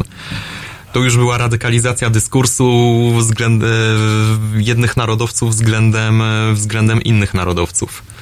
Ale to jest nic nowego. Przed wojną doszło również do tego typu historii i to się nazywało, określano to jako mordobicie w narodzie. Czyli e, walki, walki frakcyjne. Walki, walki między ONR-em a falangą. Mhm. Skończyło się wstrząsem mózgu i o mało niemal śmierci Wojciecha Wasiutyńskiego, postrzeleniem z kolei tego, który go pobił i stracił nogę. Także to były rzeczy znane przed wojną również. To nie jest nic nowego. Moim zdaniem to jest typowe. Znaczy, w Polsce e, zdarza się, że, że, że się e, czasem jedni neofaszyści z drugimi neofaszystami No jak e, pamiętam tą, pobiją. tą słynną walkę między, powiedzmy, mm, e, część przyniosła e, jakby e, nacjonalistów na Marszem Niepodległości antyukraińskie czy to hasła, czy tam jakieś elementy, czy to e, ten Damian Bieńko podeptał flagę i ją spalił i został on właśnie przez tych życzonych szturmowców pobity. E, Był taki incydent. e, Była też, e, zdarzają się też e, bójki na, e, na koncertach. E, Był też incydent w 2014 roku podczas e, tej dużej manifestacji przeciwko uchodźcom. To były w zasadzie dwie. Jedna się zaczynała na placu Defilat, szła na plac zamkowy. Druga już była na e, placu zamkowym i tam doszło do bójki między e, ONR-em, który tą większą demonstrację organizował, e, a grupką, grupką neonazistów. Głównie atakowali jednego, który miał koszulkę zespołu No Remorse. To była koszulka z kreskówkowym Hitlerem. Później miała miejsce jakaś rocznica, na której już ci neonazici się nie pojawili, ale to są drobne tarcia, drobne incydenty. To nie jest poziom Włoch, gdzie w ruch idą butelki z benzyną. A e, może jeszcze powiedzmy Państwu, no, e, bo ja mam, ja dokonałem takiej, tej, takiej dość intensywnej lektury e, tego nieszczęsnego szturmu. E, No ja tam na przykład znalazłem niezwykle dużą ilość e, e, działaczy ONR. Ja nie mówię o działaczach takich szeregowych, ja mówię o dwóch e, kierownikach e, głównych, czyli o panu Doroszu czy o panu Krejckancie. Pan Dorosz tam jakby wielką narrację robił o tym, że salut rzymski to nie żadne hajlowanie i powiedziałbym, że całe pismo jest, e, no ja bym się nie, nie obawiam nazwać je pismem mm, no, faszystowskim. E, Tam nie tylko są ONR-owcy, tam też byli e, ludzie z Młodzieży prawda. e, ludzie z Ruchu Narodowego, e, z innych e, mniejszych organizacji nacjonalistycznych. Znaczy, no powiedzieć, powiedzieć, że faszystowskie to jest nic nie powiedzieć. Napisałeś dość szczegółową analizę, co tam się znajdowało. E, Tam była nawet apoteoza Bronisława Kamińskiego. Tam było nawet powiedziane, że Europa skończyła się tam u- 8 e, maja 1945 roku zalana bolszewicką jakąś tam nawałą. Tak. Chodzi o to o datę upadku e, reżimu e, Adolfa Hitlera, więc to już Tam był i duginizm, e, irańska rewolucja islamska. E, Muammar trudno- Kaddafi, wszystko tam. Tru, trudno stwierdzić tak na, naprawdę, czego tam nie było, więc widać po prostu, że e, nie, wiedzieli, e, nie wiedzieli, czego się jąć. A największą głupotą, jaką robili, to, że to pismo zarejestrowali, e, podpisywali artykuły własnymi nazwiskami i to, że w końcu się nimi zainteresowała Agencja Bezpieczeństwa Wewnętrznego, było nieuniknione. Zupełnie e, nie odrobili lekcji Mateusza S., e, bohatera słynnego reportażu Superwizjera z wafelkami, z fastykami, który wcześniej został skazany też za propagowanie rasizmu, e, za pośrednictwem wydawanego przez siebie pisma. No tutaj z e, Szturmem jest też taki e, problem, bo właśnie, dlaczego właśnie e, pan redaktor Woroncow wspomina tutaj o ABW? To ja może państwu nadam kontekst tej wypowiedzi. E, otóż, e, już nie pamiętam, czy to było chyba dwa dni temu, czy trzy dni temu, e, do mieszkania e, naczelnego redaktora pisma Szturm, pana e, Grzegorza Ci, e, wkroczyła po raz kolejny Agencja Bezpieczeństwa Wewnętrznego, tym razem, aby go e, jakby z tego mieszkania zabrać w celu e, e, zabrania go e, do e, aresztu i tam e, zatrzymania na czas jakiś, e, co by nie niszczył e, dowodów, e, ale właśnie dowodów czego. E, może pan doktor Woroncow nam doda, czego dowodów miałby nie niszczyć i skąd te dowody by były. Znaczy, no, dowody zostały zabezpieczone podczas przeszukania yy, w jego mieszkaniu.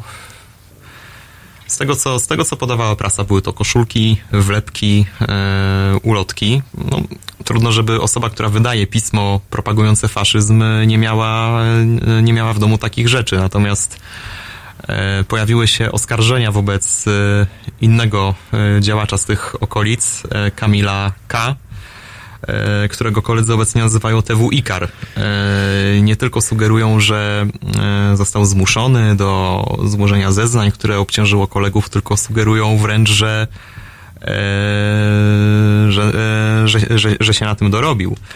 E, Tutaj to jest dość e, dziwna sytuacja, ponieważ e, jest to osoba z kilkunastoletnim stażem e, wśród ekstremistów prawicowych i nagle e, taka osoba e, traci, e, traci kontrolę e, nad tym, co robi. E, A zarzuty, jakie jemu były stawiane, to organizacja e, neonazistowskiego koncertu 11 listopada e, zeszłego roku. E, Dziwnie się zachowywał e, po e, zatrzymaniu e, w związku z tamtą sprawą. E, Złożył zażalenie na e, swoje zatrzymanie i tłumaczył fakt, e, że jego zażalenie zostało przyjęte za e, prawomocne uniewinnienie, co jest, e, co jest totalną bzdurą.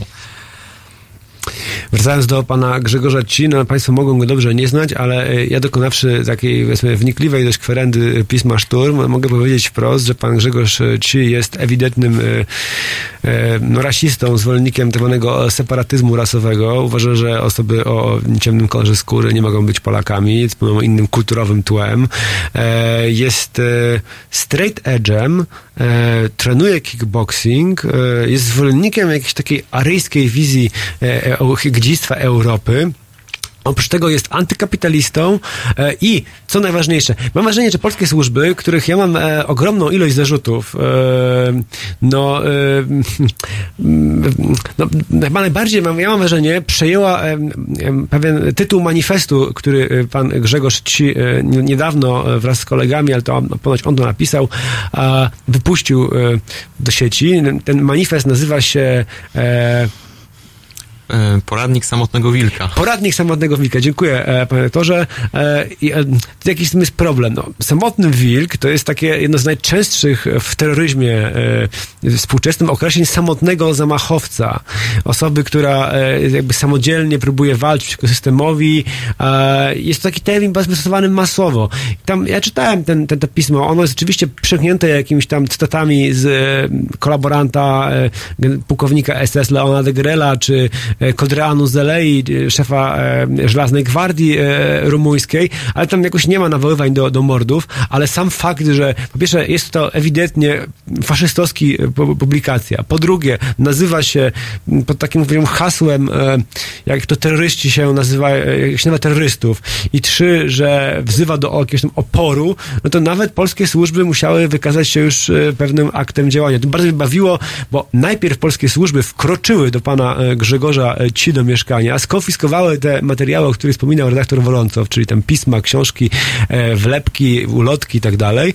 Poczekały pięć dni, wydaje mi się, że dokonywały jakiejś takiej wnikliwej analizy tych skonfiskowanych materiałów i po pięciu dniach, czterech dniach nagle się, o nie, musimy pana Grzegorza Ci zatrzymać i dopiero wtedy pan Grzegorz Ci został zatrzymany e, po tym, jak ktoś, kto ma jakieś pojęcie, przeczytał w tych służbach, co tam się znajduje. Także y, jak e, Państwo widzą, e, mamy długą linię e, mm, pewnego wspólnego mm, dziedzictwa, powiedziałbym, ekstremistycznego, ciągnące się od przedwojnia, z takim małym obniżeniem Pan profesor składa, no, widzę, wotum separatum, tak? Nie, nie, no kupiłem ostatnio dwie książki. Jedna to jest Międlara, która ma zupełnie tytuł nieznany, Moja walka. E, Tłumaczę to e, na język niemiecki. e, Z jakim środkiem brzmi to Mein Kampf. No, no, no tak. A drugą książkę, którą ostatnio kupiłem, to była e, Żydowska mafia polityczna w Polsce.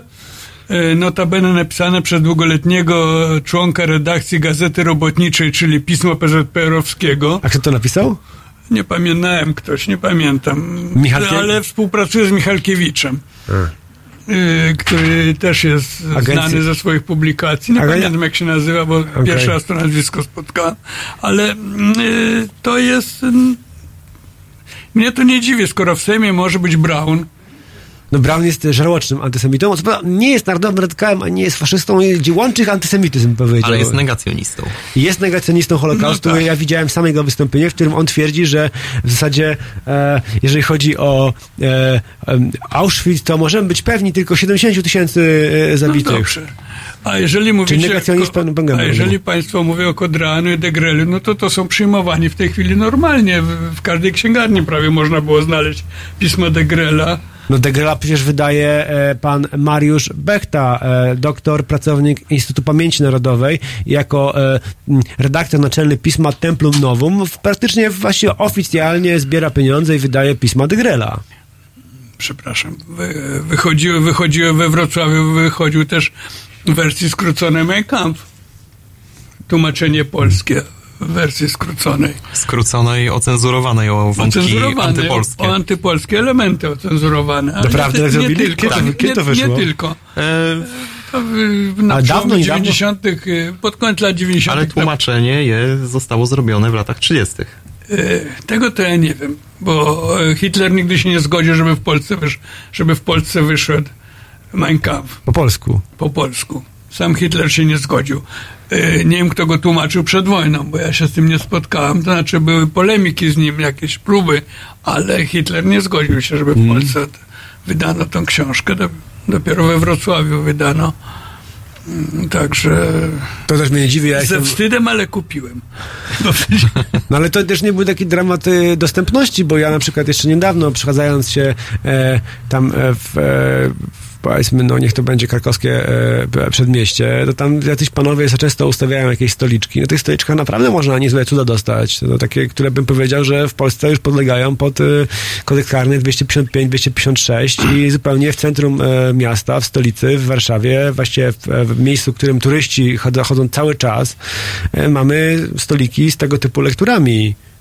Pod takim domem Polonii na przykład. Tam, ja tam spotkałem akurat tych panów, więc e, no, proszę Państwa, e, powiem tak, e, mamy podejrzewam niezwykle dużo jeszcze do omówienia, ale powoli nam się kończy czas. Ja tylko w takim razie pozwolę sobie zadać takie pytanie, powiedzmy, futurystyczne na sam koniec. To znaczy, czy państw, panowie sądzą, że to, co jest aktualnie ONR-em, będzie raczej dryfować w kierunku e, głównego nurtu i tracić rady- radykalizm, czy przeciwnie, stanie się jakby podglebiem pod coś potwornego? E, Moim zdaniem, e, tak jak całkowicie zmieniła się polska polityka po katastrofie smoleńskiej, tak bardzo zmieni się polska polityka po śmierci Jarosława Kaczyńskiego. I co będzie się działo ze skrajną prawicą, zależy w dużej mierze od e, prawicowych publicystów. I e, widać wyraźnie, e, dlaczego oni się tak odcinali, gdy jednemu się wymsknęło słowo separatyzm rasowy, bo przestraszyli się Cezarego Gmyza. I dlaczego nagle zaczęli się bać. E, Tego Gmyza, który jest e, protestantem. Chyba, nie pamiętam. jest, e, jest protestantem, ale przede wszystkim jest e, publicystą związanym z sieci i No, mówię, że- w polityce.pl. E, Przestraszyli się w pewnym momencie pochwalania Degrela, gdy palcem pogroził e, Maciej Świrski z Reduty Dobrego Imienia. Teraz głównym jakby e, tubą e, krytykującą szturmowców jest też moim zdaniem skrajny prawicowy z e, Wojciech Wybranowski z do rzeczy. Który jakby transferuje e, podstawowe informacje ze służb do mediów w tej sprawie, zauważyłem. Ja jestem innego troszkę, znaczy nie będę konkretami operował, bo, wchodzimy na terytorium co będzie, co historycy nie bardzo lubią, a nie co, co, co by było gdyby. Ale ja myślę, że zawsze będą radykalne grupy wśród młodzieży. Problem jest w stosunku społeczeństwa do tego, czy ONR przetrwa, czy nie przetrwa, to jeszcze jeden będzie rozłam, jeszcze jedna grupa nowa powstanie. Jakieś grupy zawsze na marginesie będą istniały. Problem jest, jak szeroki jest ten margines jak społeczeństwo pozwoli na działanie tego typu grupom. Obyśmy nie pozwolili na aktywne działanie i niszczenie naszej demokracji i dręczenie różnych grup mniejszościowych. Miejmy nadzieję, że skończy się to dobrze. E, może potrzebujemy Hero, Herosa, a może nie. Teraz kawałek e, Michaela Kiwanwaka Hero, a ja Państwu dziękuję i dziękuję też serdecznie moim gościom, panu profesorowi Szymonowi Rudnickiemu i panu redaktorowi Jakubowi Woroncowi, Woroncowi, Tak. Woroncowowi. Dziękuję też Państwu za e, bycie z nami przez te dwie godziny i e, zapraszam do kolejnych, zarówno innych w naszym wspaniałym Halo Radio, jak i mojego pasma co tydzień, sobota 15-17. Dziękuję Państwu. Do usłyszenia, zobaczenia, kłaniam się.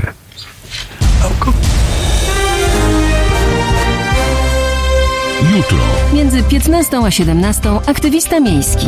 Wróg numer jeden pełnomocników 140-letnich właścicieli kamienic, przeciwnik betonu, miłośnik zieleni, Jan Śpiewak i jego goście. 15-17. www.halo.radio. Słuchaj na żywo, a potem z podcastów.